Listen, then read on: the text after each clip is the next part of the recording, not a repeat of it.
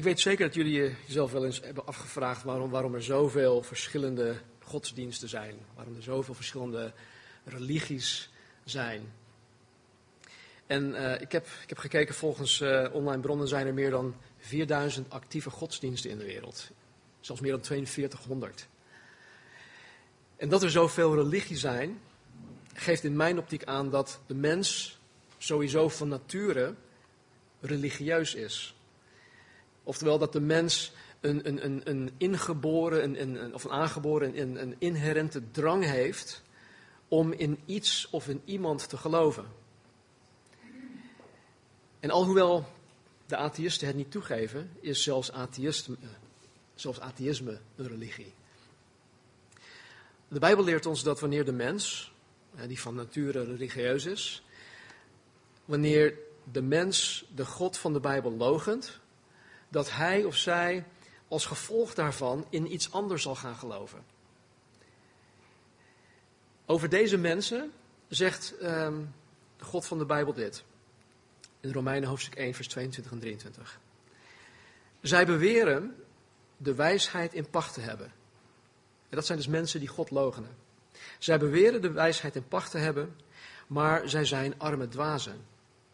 De glorie van de onsterfelijke God hebben zij vervangen door beelden van sterfelijke mensen. En van beesten die vliegen, die lopen en die kruipen. De waarheid over God hebben zij vervangen door de leugen. Ze aanbidden en dienen de schepping in plaats van de schepper zelf, die gedankt moet worden tot een eeuwigheid. Amen. Nou, ik weet dat voor degenen die Jezus Christus niet navolgen, zo'n bewering heel bekrompen over kan komen. Want leg dit maar uit aan je buurvrouw of buurman. Die zal heel raar aankijken. Maar ervan uitgaande dat deze bewering klopt, verklaart het, althans voor mij, dat er zoveel godsdiensten of religie zijn. Want als je de, de, de ware God van de Bijbel logent, als je hem opzij schuift en je bent een religieus wezen, dan, dan ga je op zoek naar iets anders. Er is een vacuüm die gevuld moet worden. En daar spreken Romeinen over. Nou, vandaag pakken wij onze studie in openbaring op in hoofdstuk 17. Ik weet niet of jullie het gelezen hebben, maar het is nogal een lastig stukje. Um, in hoofdstuk 17 zullen wij de ondergang van het grote Babylon zien. En het wordt zelfs genoemd geheimenis het grote Babylon. Nou, om dit, dit schriftgedeelte, hoofdstuk 17, te kunnen snappen, moeten we um, een moment nemen om even terug te gaan naar de oorsprong van Babylon. Dat tegelijkertijd ook de oorsprong van alle andere godsdiensten en religies is. Dus als je je vanmorgen afvraagt waarom er zoveel religies en godsdiensten in de wereld zijn, zal je vanmorgen onder andere het Bijbels antwoord op deze vraag krijgen. Na afgelopen zondag hebben wij in hoofdstuk 16 het eind van de grote verdrukking gezien. En we hebben dat behandeld. In vers 17 zegt God, 17 van hoofdstuk 16, zegt God, het is geschied. Met andere woorden, het is nu over. Het is klaar. Het moment is aangebroken dat Jezus Christus terug zal komen op aarde om de aarde als het ware te renoveren, om de vloek op de aarde ongedaan te maken, om zijn duizendjarig vrederijk, zijn koninkrijk hier op aarde te vestigen. En chronologisch gezien is de grote verdrukking nu in onze studie dus echt over. En als we vandaag de chronologie van openbaring uh, zouden voortzetten, dan zouden wij met hoofdstuk 19 moeten beginnen. Maar we hebben de twee parenthetische hoofdstukken, hoofdstuk 17 en 18, die wij nog moeten behandelen. En hoofdstuk 17 en 18 die gaan om hetzelfde. Enige verschil is dat hoofdstuk 17 uh, gaat voornamelijk om, uh, of over de ondergang van religieus Babylon. En hoofdstuk 18 gaat over de ondergang van het economisch en politiek Babylon. Dus daarin kunnen we een onderscheid maken. Laten we lezen, openbaring hoofdstuk 17. Een van de zeven engelen die de zeven schalen hadden, kwam en sprak met mij en zei tegen mij: Kom, ik zal u het oordeel over de grote hoer laten zien, die aan vele wateren zit. Met haar hebben de koningen van de aarde hoererij bedreven en de bewoners van de aarde zijn dronken geworden van de wijn van haar hoererij. En in de geest bracht hij mij weg naar een woestijn.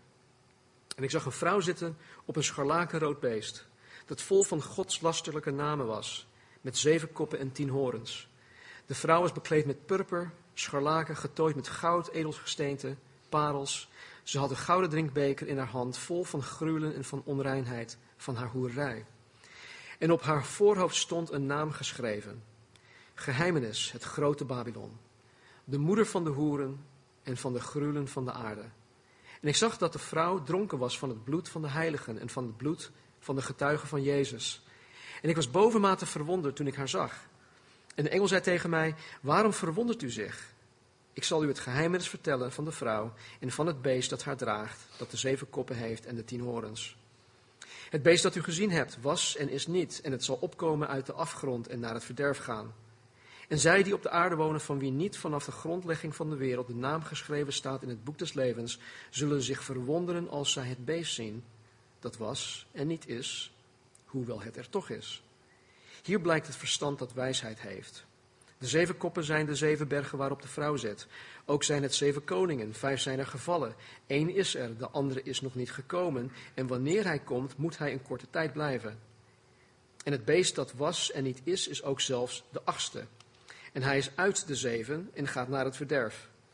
En de tien horens die u gezien hebt, zijn tien koningen die het koningschap nog niet hebben ontvangen, maar die samen met het beest één uur koninklijke macht zullen ontvangen. Deze zijn eensgezind en ze zullen hun kracht en macht aan het beest overdragen.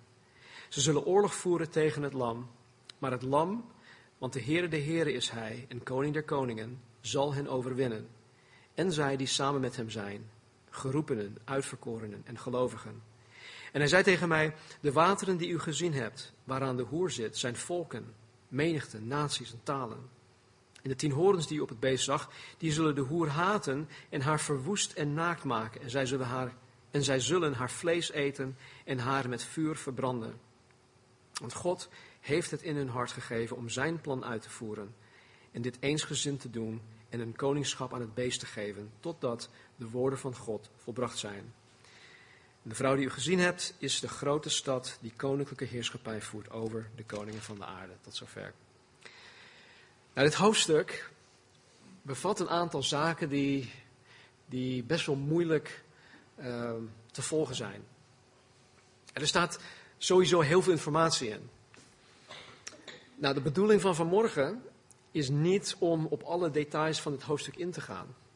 Dat, dat gaat sowieso niet lukken als, we dat, als dat wel het doel zou zijn. Het doel van vanmorgen is om een overzicht te geven.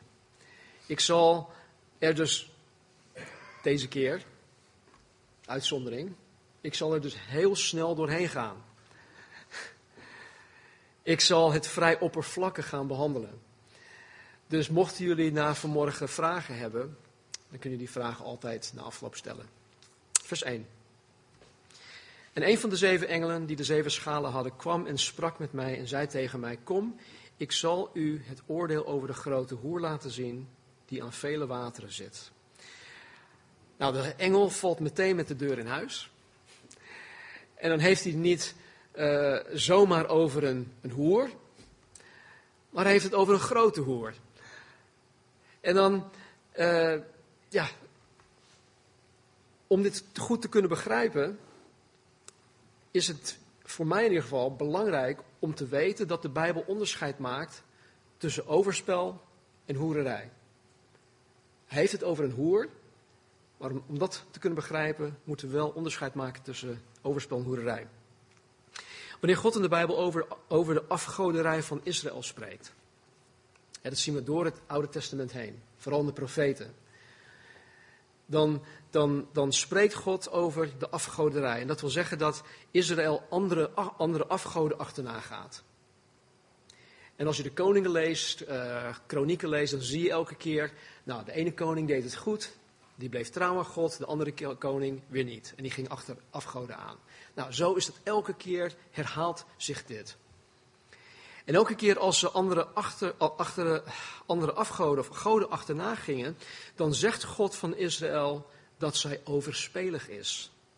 Zij pleegt overspel. De reden hiertoe is omdat God Israël vaak in de Bijbel vergelijkt uh, met zijn bruid. Oftewel met zijn vrouw. In Ezekiel 16 bijvoorbeeld noemt God Juda een overspelige vrouw. Hij noemt Juda zelfs zijn overspelige vrouw. Nou, de reden dat hier in Openbaring 17 over een grote hoer spreekt, in plaats van over een overspelige vrouw, is omdat deze vrouw van Openbaring 17 nooit Gods bruid of vrouw is geweest of zal zijn. Ja, is dat nog te volgen? Oké. Het is trouwens niet niets dat God deze vrouw een grote hoer noemt. En we zullen dat zo meteen ook gaan zien. De vele wateren waaraan de grote hoer zit zijn volgens vers 15 uh, volken, menigten, naties en talen. En dit geeft aan dat deze vrouw, de grote hoer, de gehele mensheid, de, hele, de gehele mensheid die de God van de Bijbel logent, in haar klauwen heeft gekregen. Zij heeft het voor elkaar gekregen om al deze mensen in haar klauwen te krijgen. De gehele niet in God gelovende mensheid zal onder haar controle zijn. Vers 2. En met haar hebben de koningen van de aarde hoererij bedreven. De bewoners van de aarde zijn dronken geworden van de wijn van haar hoererij. Alle wereldleiders in die tijd, toekomstige tijd, hebben met haar hoererij bedreven. Ook alle bewoners van de aarde. Nou, dit geldt dus niet voor de christenen die, in de, in die tijdens de, de, de periode van de verdrukking nog in leven zullen zijn. Het geldt ook niet voor gelovig Israël. De term bewoners van de aarde, heb ik al vaker genoemd, is een technische term. Het is een aanduiding voor de ongelovige wereld, de ongelovige mensheid. En deze term is vergelijkbaar met de manier waarop wij de ongelovige wereld de wereld noemen. Wij maken in ons, in, wanneer wij het over de wereld hebben, maken wij daar onderscheid in. De kerk, de gelovigen en de wereld. Wereld gelooft niet.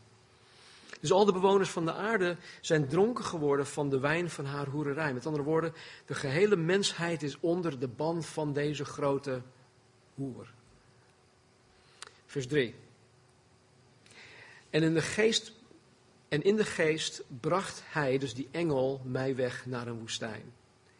En ik zag een vrouw zitten op een scharlakenrood beest, dat vol van gods, godslasterlijke, godslasterlijke namen was met zeven koppen en tien horens. Johannes wordt op een bovennatuurlijke wijze door deze engel naar de wildernis gebracht, naar de woestijn. En daar krijgt hij de vrouw te zien, de grote hoer. En wat hij daar ziet is dat zij, zij zit op een scharlakenrood beest. aan de hand van de omschrijving herkennen wij herkennen wij dit, dit, dit beest meteen als het beest dat uit de zee opkomt, uit openbaring hoofdstuk 13. Weet jullie dat nog? Openbaring 13, het beest dat uit de zee opkomt. En dat is de antichrist. Het enige dat in, in, in deze omschrijving anders is, is dat het beest een scharlakenrode kleur heeft. Dat werd voorheen niet gemeld. Ik weet niet of het überhaupt relevant is, maar uh, volgens Jesaja 1, vers 18 is de kleur van de zonde rood. Het is um, crimson, um, karmozijn, rood, scharlakenrood. Dat is allebei de naam voor rood. En in uh, Jesaja hoofdstuk 1, vers 18 staat dat onze zonden zo rood zijn als karmozijn. Maar dat God ons, wij die geloven, ons witter dan de sneeuw, de sneeuw zal maken. Dus het zou heel passend kunnen zijn dat het beest rood is. Vers 4. En de vrouw was bekleed met purper en scharlaken. En getooid met goud, edelgesteente en parels. En ze had een gouden drinkbeker in haar hand vol van gruwelen en van onreinheid van haar hoerij. Nou, zoals het, zoals het uiterlijke van een hoer haar een lust voor de ogen maakt, laten we eerlijk zijn, is het uiterlijke van deze vrouw ook bedoeld om haar een lust voor de ogen te maken, om haar onweerstaanbaar te maken. En daarom wordt zij hier omschreven als iemand, een, een vrouw, uh, getooid uh, met purper, scharlaken, getooid met goud, edelgesteente en parels. Met andere woorden, ze hoort er heel aantrekkelijk uit te zien, onweerstaanbaar. Met deze gouden drinkbeker die ze in haar hand heeft, wat vol van de gruwelen en onreinheid van haar hoererij is, daarmee bedwelmt zij en verleidt zij de volken van de wereld. En dan moet je niet zien dat het letterlijk, dat, dat de vrouw is gekleed, een hoer met een beker. Nee, dit is allemaal symboliek. En op haar voorhoofd, vers 5, stond een naam geschreven, geheimenis het grote Babylon. De moeder van de hoeren en van de gruwelen van de aarde. De Bijbel noemt de grote hoer geheimenis het grote Babylon. In het Engels heet dat Mystery Babylon the Great. Dat klinkt iets beter. En ze is een geheimenis omdat uh, deze vorm van Babylon hiervoor nog niet door God aan de mens bekend werd gemaakt. We hebben het vaker gehad, ook tijdens onze studie in, in Matthäus, uh, wanneer Jezus het over een geheimenis had. Paulus heeft het over geheimenis in zijn brieven. Een geheimenis is niet iets dat geheim blijft. Nee, een geheimenis in de Bijbel, in het Nieuw Testament, is iets dat voorheen verborgen was, maar dat nu in het Nieuw Testament openbaar is gemaakt. En dit, zal, dit is ons nu al openbaar gemaakt, maar het zal tijdens de verdrukking um, echt openbaar worden. Dus hiervoor werd het door God niet aan de mens bekendgemaakt. Zij is groot. En ik geloof dat ze groot is omdat haar invloed heel verrijkend is. De wereld rond. Ze wordt Babylon genoemd omdat Babylon symbool staat voor alles dat in de wereld tegen de God van de Bijbel is.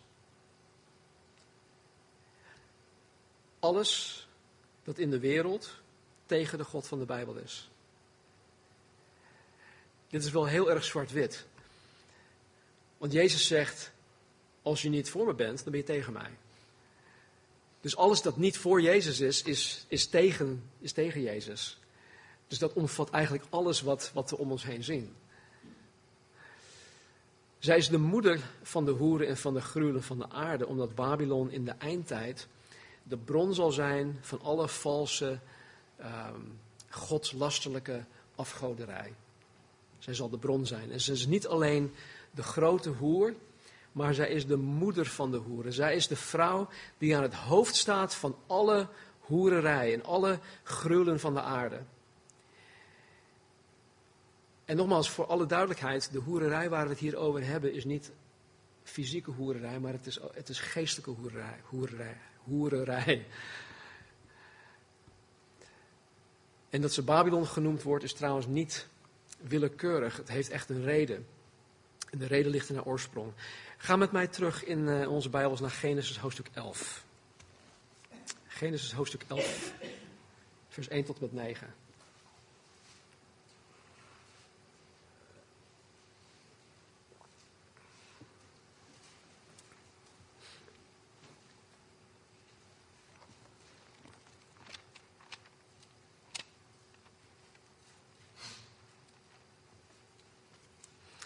Genesis 11, vers 1. Heel de aarde had één taal en eendere woorden. En het gebeurde toen zij naar het oosten trokken, dat zij een vlakte in het land Sinia vonden. Daar gingen ze wonen. En ze zeiden allen tegen elkaar: Kom, laten wij kleiblokken maken en die goed bakken. En de kleiblokken dienden hun tot steen en het asfalt diende hun tot leem. En ze zeiden, kom laten wij voor ons een stad bouwen en een toren waarvan de top in de hemel reikt. En laten we voor ons een naam maken. Anders worden, anders worden wij over heel de aarde verspreid. Toen daalde de Heere neer om de stad en de toren te zien die de mensenkinderen aan het bouwen waren. En de Heere zei, zie, zij vormen één volk en hebben allen één taal. Dit is het begin van wat zij gaan doen. En nu zal niets van wat zij zich voornemen te doen voor hen onmogelijk zijn. Kom, laten we neerdalen en laten wij hun taal daar verwarren, zodat ze geen van allen elkaars taal zullen begrijpen. Zo verspreidde de Heere hen vandaar over heel de aarde. En ze hielden op met het bouwen van de stad. Daarom gaf men haar de naam Babel. Want daar verwarde de Heere de taal van heel de aarde. En vandaar verspreidde de Heere hen over heel de aarde.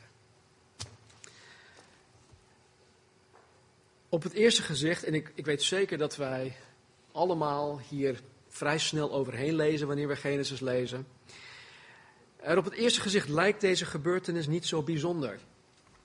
Het lijkt ook niet zo verstrekkend. Maar de mensen hadden zich voorgenomen om voor zichzelf een stad te bouwen. Er staat: Kom, laten wij voor ons een stad bouwen.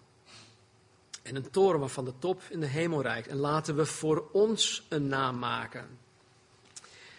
Dus zij, zij hadden voorgenomen om voor zichzelf de stad te bouwen.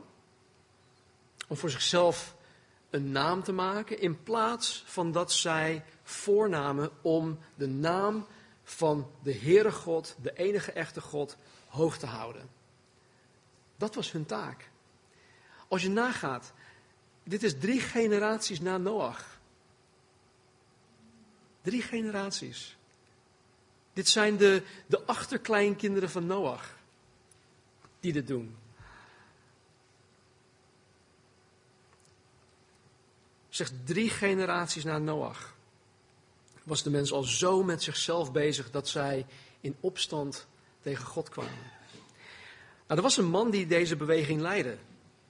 want het was, was geen democratie. Het was echt iemand die de voortrekker hiervan was.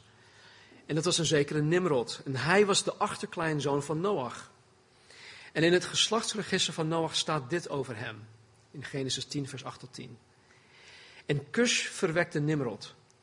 Die begon een geweldenaar op de aarde te worden. Hij was een geweldig jager voor het aangezicht van de Heere. Daarom wordt gezegd, als Nimrod, een geweldig jager voor het aangezicht van de Heere. Het begin van zijn koninkrijk bestond uit Babel. Erech, Akkad en Kalne in het land Sinjar. Nimrod, volgens dit, was een geweldenaar. En hij was een jager. En het, is, het komt niet heel duidelijk, uh, het komt er niet duidelijk uit in, in de Nederlandse taal, ook niet in de Engelse taal. Maar in de oorspronkelijke taal, of de oorspronkelijke taal geeft aan dat Nimrod zichzelf als een jager tegen God opstelde dus het voor het aangezicht van God is eigenlijk tegen het aangezicht van God. Hij stelde zichzelf als jager aan tegen God. Ook geeft de oorspronkelijke taal aan dat zijn prooi niet bestond uit, uit dieren, maar uit de zielen van mensen. Nimrod, die door Satan zelf geïnspireerd was, ging achter de zielen van mensen aan om in opstand uh, tegen God uh, hun van de ware God van de Bijbel weg te lokken. Dit is trouwens de motivatie achter alle andere religies. Om de mens van de God van de Bijbel, van Jezus Christus, weg te lokken, af te houden. Dit is de motivatie achter alles dat ons van de ware God van de Bijbel afhoudt. En we hebben door onze studie in openbaring al gezien dat er maar eentje is die daarachter schuilt. En dat is Satan zelf. En hij wist vanuit Genesis hoofdstuk 3 al dat God een belofte had gedaan dat er ooit een moment zou aankomen, aanbreken, dat er een redder, een Messias zou komen die hem de kop zou verbrijzelen. En met die gedachte in zijn achterhoofd ging hij vanaf dat moment al te werk om dit plan van God te dwarsbomen. Deze beweging, die een stad en een toren wilde bouwen, die een naam voor zichzelf wilde maken, was niet alleen een beweging dat in opstand tegen God kwam, het was ook het begin van de door Satan geïnspireerde, georganiseerde religie. En vanuit deze situatie, Genesis 11, vanuit Babel, oftewel Babylon, zijn alle vormen van het pantheïsme gekomen. Een aantal studies geleden, hoofdstuk 13, nee, iets, iets, iets, iets, iets eerder, hadden we het over pantheïsme. Pantheïsme betekent simpelweg dat alles God is. Alles is God. God is overal in te vinden. Dus er was zelfs een, een, een, een, ehm, een verbastering dat in die tijd tot stand kwam, geïnspireerd door Satan, een verbastering van de maagdelijke geboorte van Jezus Christus. Het is wel heel interessant, het is een studie op zich, het is een hele interessante studie om, om, om, om, om na te gaan wat daaruit kwam. En, en, en die verbastering is zo, zo, zo sluw, het is zo gemeen eigenlijk, hoe, hoe, hoe dat ehm, aan de mens werd voorgehouden.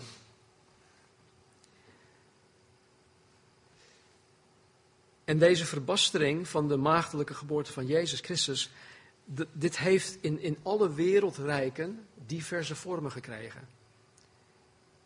In Assyrië, in Egypte, Medo-Perzië, Babylon. Ze hebben allemaal in Griekenland, in, het Griekse uh, Rijk, ze hebben allemaal hun eigen vorm of variant van, van dit uh, meegekregen. Nimrod was dus degene die de basis heeft gelegd voor het Babylonisch Rijk. Dat door de Bijbel uh, heen symbool zou staan voor de, de, de, arrogante poging van de mens om haar eigen uh, religieus en politiek systeem in te stellen. Babylon is per definitie het wereldsysteem van religie. Het is volkomen in strijd met God. Het is gewoon tegen de God van de Bijbel. Het geheimenis, de grote Babylon, zal zich pas volledig op het wereldtoneel vertonen tijdens de verdrukking. Maar de wereld wordt nu, anno 2017, al klaargestoomd voor haar onthulling. Achter de schermen gebeurt er, gebeurt er al heel veel om dit allemaal op gang te brengen. De ecumenische beweging, waarvan de Rooms-Katholieke Kerk de voortrekker is, is hard aan het werk om alle wereldreligies samen te brengen onder één wereldreligie. En uiteindelijk zal dat een realiteit worden. Nu zijn wij er nog om dat allemaal tegen te houden. Maar er zal een moment komen dat dat een realiteit zal worden. vandaar dat Babylon in vers 5 de moeder van de hoeren en van de gruwelen van de aarde genoemd wordt. Alle dochterreligies zullen op een gegeven moment onder mama's hoede komen. Babylon. Vers 6. En ik zag dat de vrouw dronken was van het bloed van de heiligen en van het bloed van de getuigen van Jezus. En ik was bovenmate verwonderd toen ik haar zag. Nou, de vrouw die per, die per definitie tegen God en tegen Jezus Christus is, zal absoluut geen vriend zijn of vriendin zijn van degenen die God toebehoren. Tijdens de grote verdrukking, tijdens de verdrukking zal Babylon een grote rol spelen in het vermoorden van christenen. Ik geloof dat Johannes, want er staat hier dat hij bovenmate verwonderd was toen hij haar zag. Letterlijk staat er, hij was verwonderd met verwondering. Ik geloof dat hij, met, met, dat hij boven, uh, bovenmate verwonderd was, omdat hij waarschijnlijk zelf de link niet had gelegd tussen Babylon en de antichrist. Want hij ziet de vrouw zittend op het beest. En ik denk dat hij zoiets had van, joh, maar dit klopt niet, iets klopt hier niet. En dat hij daardoor verwonderd was, bovenmate verwonderd. Want enerzijds aanbidt de hele ongelovige wereld het beeld van het beest, de antichrist. Toch? Openbaring hoofdstuk 13. Valse profeet laat iedereen het beeld van het beest aanbidden. Als je het beeld van het beest niet aanbidt, is het einde verhaal voor jou. Dan word je, dan word je gedood. Dan word je onthoofd. Dus enerzijds aanbidt de hele ongelovige wereld het beeld, van het, het beest, de antichrist. En anderzijds is daarnaast ook nog eens een wereldreligie dat ook de aanbidding van de mens vereist. Ik denk dat dat de reden is waarom Johannes zich bovenmate verwonderde. Nou, het is goed dat de engel het vanaf vers 7 gaat uitleggen. En de engel zei tegen mij: Waarom verwondert u zich? Ik zal u het geheimenis vertellen van de vrouw en van het beest dat haar draagt, dat de zeven koppen heeft en de tien horens. Het beest dat u gezien hebt was en is niet, en het zal opkomen uit de afgrond en naar het verderf gaan. En zij die op de aarde wonen, van wie niet vanaf de grondlegging van de wereld de naam geschreven staat in het boek des levens, zullen zich verwonderen als zij het beest zien. Dat was en niet is, hoewel het er toch is. Nou, ik ben nu opgelucht. Dankjewel, Engel, voor de uitleg. Jullie ook? Oké, we, kunnen, we kunnen nu verder gaan. Nee. De engel legt hier uit, uiteindelijk, dat het beest, de antichrist, naar het verderf zal gaan. Nou ja, dat wil zeggen dat hij in de poel van het vuur geworpen zal worden en daar voor eeuwig gepijnigd zal worden. Dat zien we ook later. Voor wat betreft het beest, dat was en is niet en zal opkomen uit de afgrond, dat zal ik een andere keer proberen uit te leggen. Hè? Ik ben sowieso van plan om Ehm, een aantal onderwerpen, zoals bijvoorbeeld de antichrist, apart te gaan behandelen. Ik denk dat we dat misschien over een uh, zondag of twee of drie kunnen gaan, uh, kunnen gaan doen. Anders wordt het veel te lang. De insteek van uh, onze studie openbaring was om ja, een overzicht te geven van het boek. En niet echt op alles een hele diepgaande studie te maken. Nogmaals, we zien hier de technische term zij die op de aarde wonen. Dit zijn de ongelovige mensen die zich hebben gevoegd bij de antichrist, die uiteindelijk ook verloren zullen gaan. Waarom? Omdat hun namen niet geschreven staan in het boek des levens, vers 9 en 10. Hier blijkt het verstand dat wijsheid heeft. Dat is ook weer zo'n rare zin. Hier blijkt het verstand dat wijsheid heeft. Oké. De zeven koppen zijn zeven bergen waarop de vrouw zit. Ook zijn het zeven koningen. Vijf zijn er gevallen, één is er, de andere is nog niet gekomen. En wanneer hij komt, moet hij een korte tijd blijven. Nou, ik geloof dat de zin hier blijkt het verstand dat wijsheid heeft, dit betekent. Hoewel de betekenis van wat Johannes hier allemaal ziet, in het visioen, dat dat niet onmiddellijk duidelijk is voor hem. Ik denk dat dat ook de reden is waarom hij zich helemaal verwondert. Maar dat het uiteindelijk wel te begrijpen is voor degene die Gods wijsheid bezit. Met andere woorden, dat de Heilige Geest het zal bekendmaken. En daarvoor hebben wij de Heilige Geest nodig. Wij kunnen de Bijbel absoluut niet snappen zonder dat wij wedergeboren zijn, zonder dat wij uh, de Heilige Geest in ons hebben. Paulus zegt in 2 Korinthe, uh, 1 Korinthe 2 vers 14 volgens mij dat um, de geestelijke dingen niet uh, te onderscheiden zijn mits je gelovig bent. Even in mijn eigen verwoording. Met andere woorden, een niet-gelovige kan de Bijbel honderdmaal doorlezen en het nog steeds niet snappen.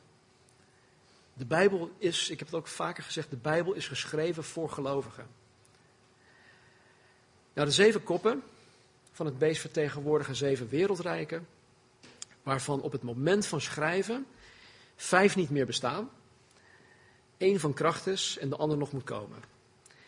Nou, de vijf die op het moment van schrijven reeds gevallen zijn, waren één Egypte, twee Assyrië, drie Babylonië, vier Medo-Perzië en vijf de Grieken. De zesde die nog aan macht was, was Rome. En de zevende die nog moest komen of moet komen, deze is wat de Bijbelleraar het herstelde Romeins Rijk noemen. Het herstelde Romeins Rijk. En deze blijft slechts voor een korte tijd, volgens Openbaring 13:5, voor slechts 42 maanden, oftewel voor 3,5 jaar lang. Vers 11. En het beest dat was en niet is, is ook zelf de achtste. En hij is uit de zeven en gaat naar het verderf. Ook hierover zal ik uitweiden wanneer ik de studie over de antichrist zal geven. Vers 12. En de tien horens die u gezien hebt, zijn tien koningen die het koningschap nog niet hebben ontvangen, maar die samen met het beest één uur, voor een korte tijd, koninklijke macht zullen ontvangen. Deze tien koningen vertegenwoordigen een, een wereldfederatie waarover deze tien koningen, oftewel tien regionale staatshoofden, zullen gaan regeren. Dus samen met de antichrist zullen zij voor een korte tijd over de gehele wereld gaan regeren. Er is al geruime tijd sprake van het opstellen van een wereldparlement. Uh, zoek maar op op het internet. World Parliament, uh, wereldparlement. Er zijn gewoon mensen die hiermee bezig zijn. En zij willen een wereldparlement opstellen dat, dat, uh, dat de wereld zal gaan verdelen in tien regio's. Eén zo'n regio is bijvoorbeeld uh, Noord-Amerika. En dat bestaat uit Canada, de Verenigde Staten en Mexico. Dat zou één regio kunnen, kunnen zijn. En waar wij hier in Europa de euro hebben, zouden ze zelfs, uh, hebben ze zelfs al iets bedacht dat daar een, uh, een Americo zullen hebben als, als munteenheid. Of zoiets. Dus er zijn mensen bezig met het opstellen van een wereldfederatie. En ook hiertoe wordt de wereld klaargestoomd.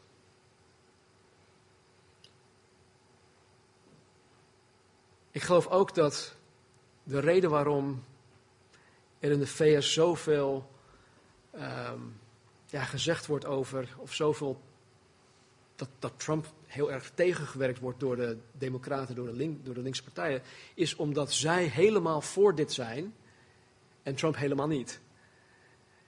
Daarom wordt er zo hard gevochten. Daardoor wordt, daarom wordt er zo'n strijd gevochten in de States op dit moment. Nou, deze zijn eensgezind.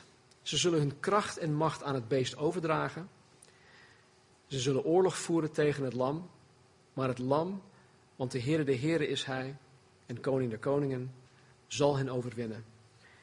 En zij die samen met hem zijn, dat zijn de geroepenen, de uitverkorenen en gelovigen, dat zijn wij. Het bondgenootschap van deze tien koningen en van de antichrist, die zijn eensgezind. En die zijn eensgezind om het lam, om Jezus Christus en zijn volgelingen te gaan verslaan. Dat hebben we vorige week ook gezien, dat, dat ze zich gaan verzamelen in, in, in Armageddon om Jezus Christus te verslaan. Alhoewel de antichrist, die bekrachtigd is door Satan, samen met dit machtig wereldleger naar Armageddon zal trekken om Jezus te verslaan, zei, zoals ik vorige keer zei, zal dit echt geen strijd zijn. Het zal echt geen strijd zijn. In hoofdstuk 19 zullen we zien dat Jezus slechts met zijn mond dit machtig leger zal verslaan. En dat doet hij zonder dat hij of wij, die met hem zijn, schade zullen lijden. Wij zullen samen met Jezus de antichrist en het wereldleger overwinnen. Vers 15. En hij zei tegen mij, de wateren die u gezien hebt, waaraan de hoer zit, zijn volken, menigten, naties en talen. Dus de hele wereldbevolking. En de tien horens die u op het beest zag, die zullen de hoer haten. En haar verwoest en naakt maken. En ze zullen haar vlees eten en haar met vuur verbranden. Nou, wat hier gaat gebeuren is nogal onverwacht. En, niet onverwacht dat, eh, dat er een eind zal komen aan de grote, aan de grote hoer, Babylon, maar omdat het de antichrist en de tien leiders van de wereldfederatie zijn die haar ten gronde zal richten. Dat is het onverwachte. Want ze waren bondgenoten. Zij, zij zat op de rug, zij zat op het beest. Ze spanden samen. En nu ineens gaan deze tien koningen, deze tien regio's, deze die tien, tien uh, wereldleiders en de antichrist gaan Babylon verwoesten.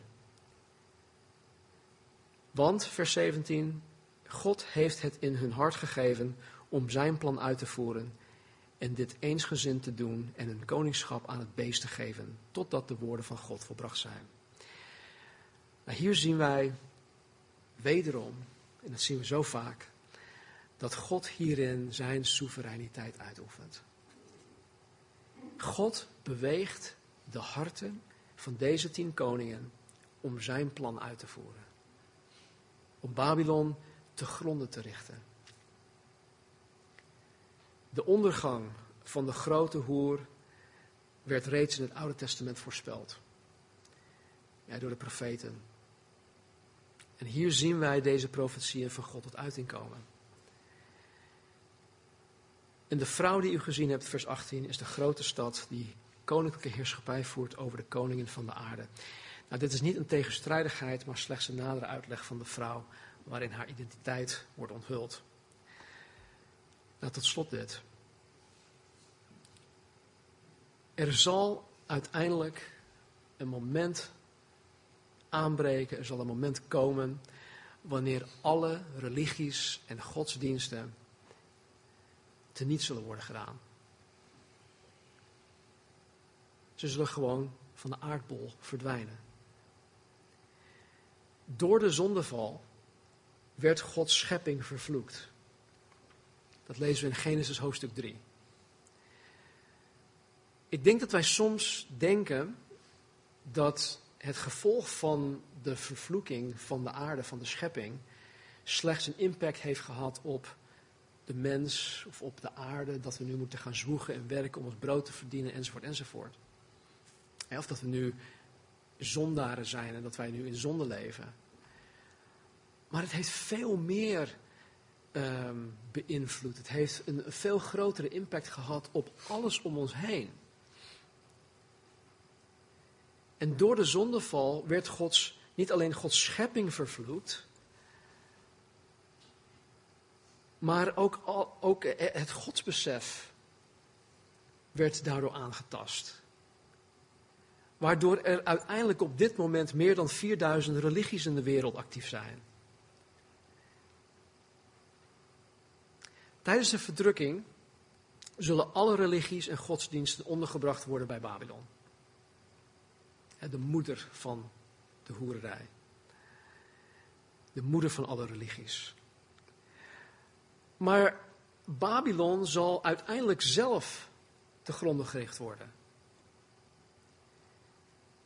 En er zal vervolgens een moment komen waarin wij ons niet meer af hoeven te vragen waarom er zoveel religies en godsdiensten in de wereld zijn. Weet je, dat is vaak een heel moeilijk onderwerp als we met, uh, met niet-gelovige mensen eh, spreken over het evangelie. Dit zit ons heel vaak in de weg. En terecht, mensen hebben, dat is een hele goede vraag. Het is echt een terechte vraag. Waarom zijn er zoveel religies? Waarom zijn er zoveel godsdiensten? Waarom zijn er zoveel stromingen in het christendom? En dat belemmert ons heel vaak.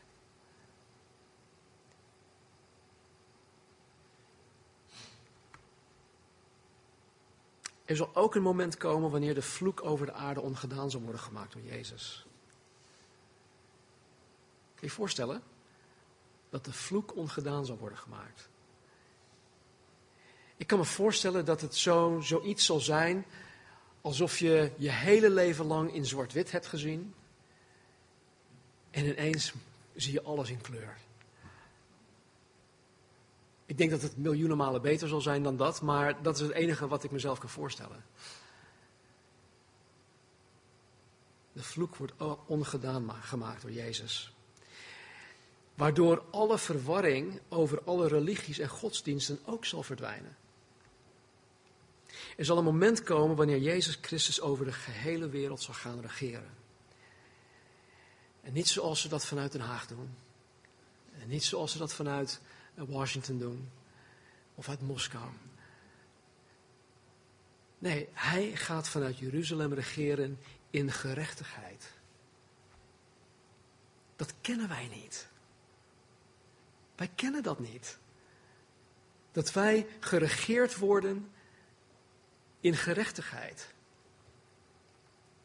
Dat is ook weer zoiets waar ik telkens tegen aanstuit als ik met nog niet gelovige mensen praat. Er is zoveel ongerechtigheid in de wereld. Hoe kan een God van liefde dit allemaal toelaten? Er zal een moment aanbreken dat wij door Jezus Christus in alle gerechtigheid worden geregeerd. In genade, in liefde. Wie van ons kan, kan nou echt met, met een volledige overtuiging zeggen dat, uh, ik noem maar op, dat Rutte of Wilders of wie dan ook echt, echt zielsveel onvoorwaardelijk van je houdt. Is er iemand? Nee, hoe kan dat nou? Er zal een moment komen wanneer de wereld leider zal gaan regeren. En het zal iemand zijn die onvoorwaardelijk van ons houdt. En niet alleen met um, lip service. Hoe zeg je dat in het Nederlands? Lippendienst. Echt? Oké. Oké. Ehm, maar echt. In waarheid. En de hamvraag voor vanmorgen is: aan welke kant sta je? Heb je jezelf gegeven aan een van de 4000 religies? Of heb je jezelf gegeven aan Jezus Christus van de Bijbel? Als je niet bewust voor een van de 4000 religies gekozen hebt, dan heb je alsnog niet voor Jezus Christus gekozen. Zeg dat goed? Ja, al heb je niet bewust voor een van de 4000 religies gekozen.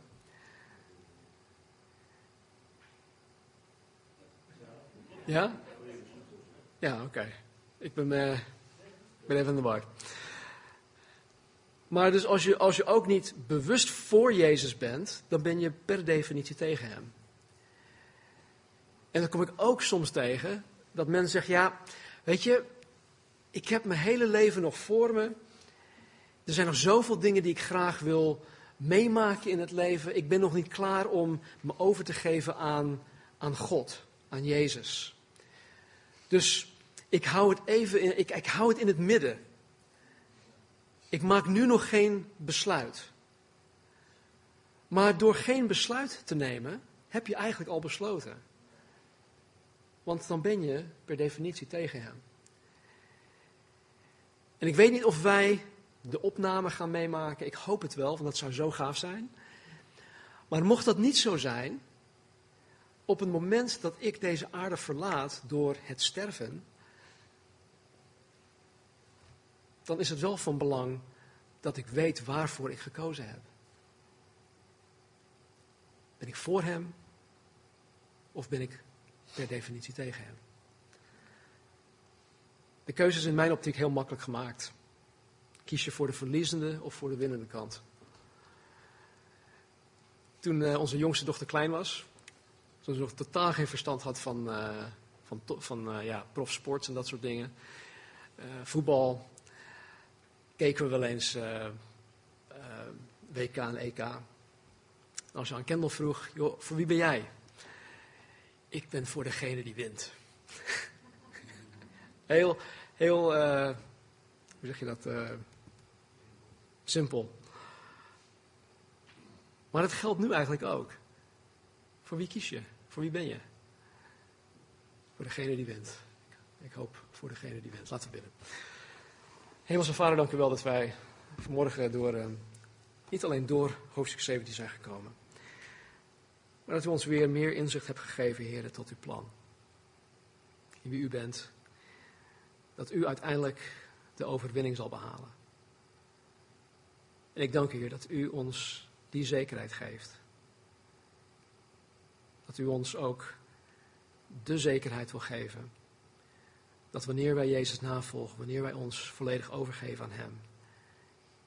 Heer, dat we geen slapeloze nachten hoeven, hoeven te hebben. Heer, dat we in de volledige rust door het leven kunnen gaan. Natuurlijk zullen we te maken krijgen met problemen, met issues, met, met pijn en verdriet en lastige dingen hier op aarde, hier in dit leven. Maar uiteindelijk, heren, hoeven wij de dood niet te vrezen. En niet alleen hoeven wij de dood niet te vrezen, heren, wij, wij zullen zelfs met, met rijkhalsend verlangen uitzien naar het moment dat wij dit hemels lichaam of dit aards lichaam zullen verlaten en ons hemels lichaam zullen krijgen. Dus Heer, doordring ons van het feit dat wij een geweldige toekomst hebben, samen met U. En dat wij die geloven, wij die U navolgen, dat wij aan de winnende kant staan. En Heer, mocht er iemand zijn vanmorgen hier of via het internet, Heer, die niet zeker is van, van welke kant ze, uh, ze staan. Trek hen over de streep, Vader. Jezus, u zei dat niemand tot u kan komen tenzij de Vader hem of haar trekt. Dus vader, ik doe beroep op uw trekkende kracht, Heer. Trek alle mensen die deze boodschap gaan horen naar u toe. Zelfs de mensen die deze boodschap niet horen, Heer.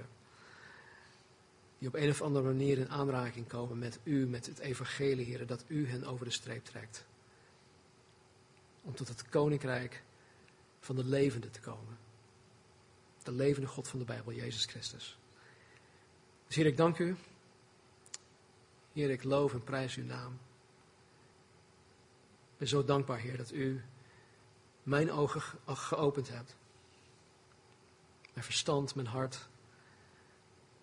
Dat uw genade zo toereikend is geweest en nog steeds is om mij te redden, om ons te redden. Dank u wel dat wij in die wetenschap mogen leven. Help ons dan ook om waardig te wandelen. Waardig van de roeping en in de roeping, heren, waartoe u ons geroepen hebt. Help ons, heren. Help ons om uw naam te verheerlijken in alles dat we doen en laten. Dat vragen we in Jezus' naam. Amen. Amen.